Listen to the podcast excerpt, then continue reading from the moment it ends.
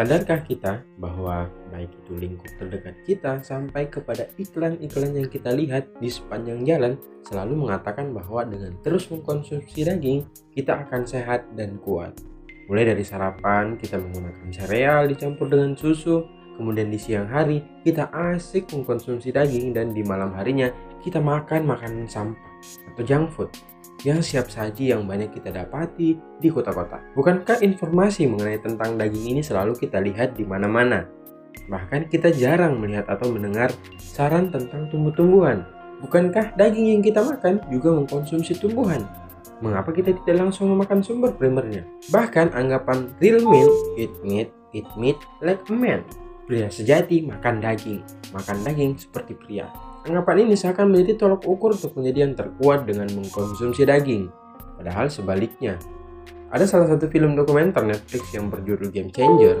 Film dokumenter ini berisi tentang perjalanan seorang mantan atlet yang ingin mencari tahu khasiat sayuran yang justru dapat membantu proses pemulihan dengan sangat cepat dibanding menggunakan daging.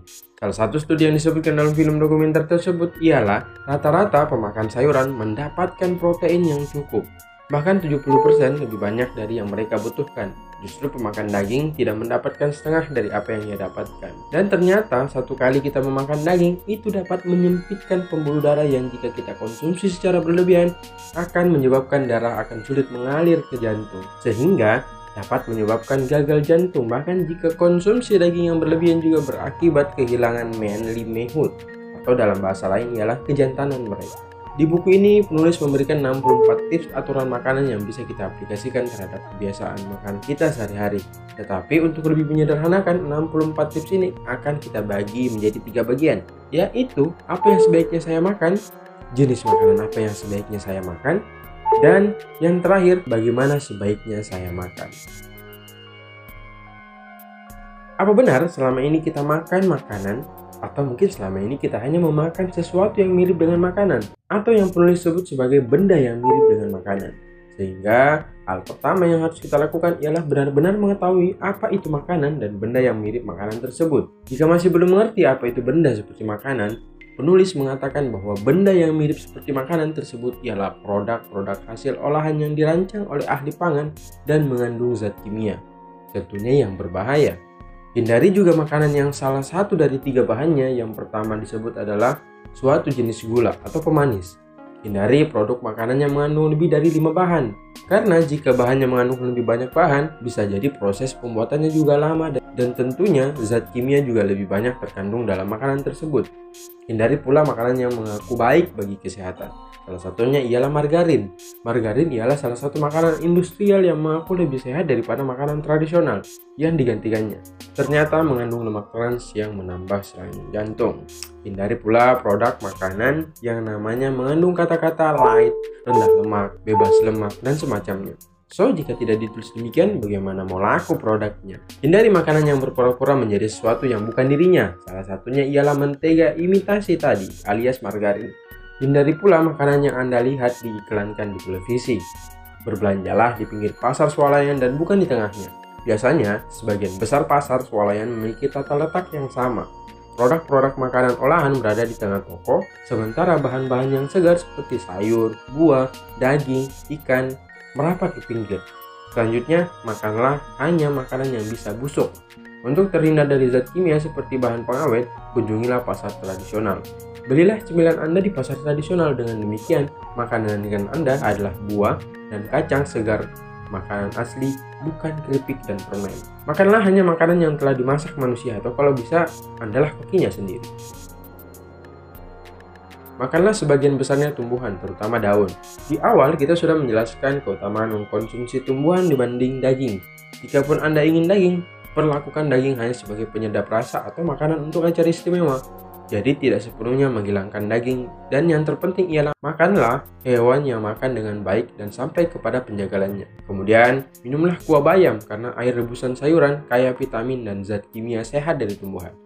Sarankan untuk kuah sup atau tambahkan ke saus. Makanlah makanan yang ditumbuhkan dengan baik dari tanah yang sehat yang jauh dari zat kimia atau yang biasa kita sebut dengan pupuk kimia.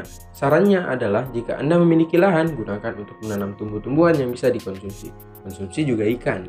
Maniskan dan asinkan sendiri makanan Anda. Jangan makan sereal sarapan yang mengubah warna susu karena sereal seperti itu sangat banyak diproses, penuh karbohidrat terrefinasi dan zat tambahan kimia. Bagaimana dengan makanan sampah atau junk food? Silakan makan junk food sebanyak yang Anda mau, asal Anda masak sendiri. Dan yang terakhir, curigai makanan-makanan non-tradisional. Hal yang harus diperhatikan tentang bagaimana sebaiknya kita makan adalah jangan terlalu banyak makan yaitu makan lebih sedikit. Berhentilah makan sebelum kenyang. Anggapan seperti ini ternyata banyak diterapkan di berbagai negara. Orang Jepang punya pepatah hara hachibu menyarankan agar berhenti makan 80% kenyang. Tradisi Ayurveda di India menyarankan cukup 70% kenyang. Bangsa Tionghoa menyatakan cukup 70% dan Nabi Muhammad SAW mengatakan bahwa perut sebaiknya diisi sepertiga makanan, sepertiga cairan, dan sepertiga udara kosong. Ada juga pepatah Jerman yang berkata, ikat karung sebelum penuh. Tips selanjutnya adalah makanlah ketika Anda lapar, bukan ketika Anda bosan. Ada satu anggapan untuk mengetahui apakah kita lapar atau tidak. Adalah jika Anda tak cukup lapar untuk makan satu apel, maka Anda sebenarnya tak lapar. Kemudian hal terpenting ketika makan adalah makanlah dengan pelan-pelan. Nikmati makanan Anda dan juga jangan makan sendiri. Karena biasanya jika kita makan sendiri, jangankan mempercepat makanan, kita akan tidak malu untuk menambah makanan lagi. Setidaknya jika makan ramai-ramai, kita malu untuk tambah. Untuk lebih mendukung agar kita tidak makan banyak adalah belilah piring dan gelas yang lebih kecil. Ini bisa memudahkan kita untuk tidak makan makanan yang berlebihan. Kemudian makanlah pada waktu makan atau cemilan. Jikapun Anda ingin ngemil, cobalah batasi hanya buah, sayuran, dan kacang. Makanlah di meja makan, bukan di meja kerja, atau sambil kerja, atau sembari menonton TV, atau bahkan mengemudi. Karena kita akan makan tanpa berpikir sehingga akibatnya makan lebih banyak dibandingkan kalau kita makan di meja makan sambil memperhatikan apa yang kita lakukan. Dan terakhir mengutip salah satu aturan yang ada di dalam buku ini adalah sarapan seperti raja, makan siang seperti pangeran, makan malam seperti pengemis. Nah terakhir, buku ini bisa menjadi rujukan kita dalam memperhatikan apa yang sebaiknya kita makan, jenis makanan apa yang sebaiknya kita makan, dan bagaimana sebaiknya kita makan.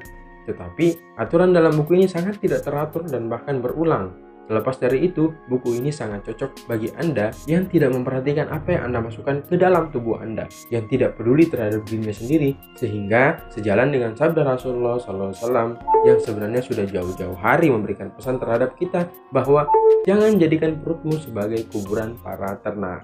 Ada pertanyaan?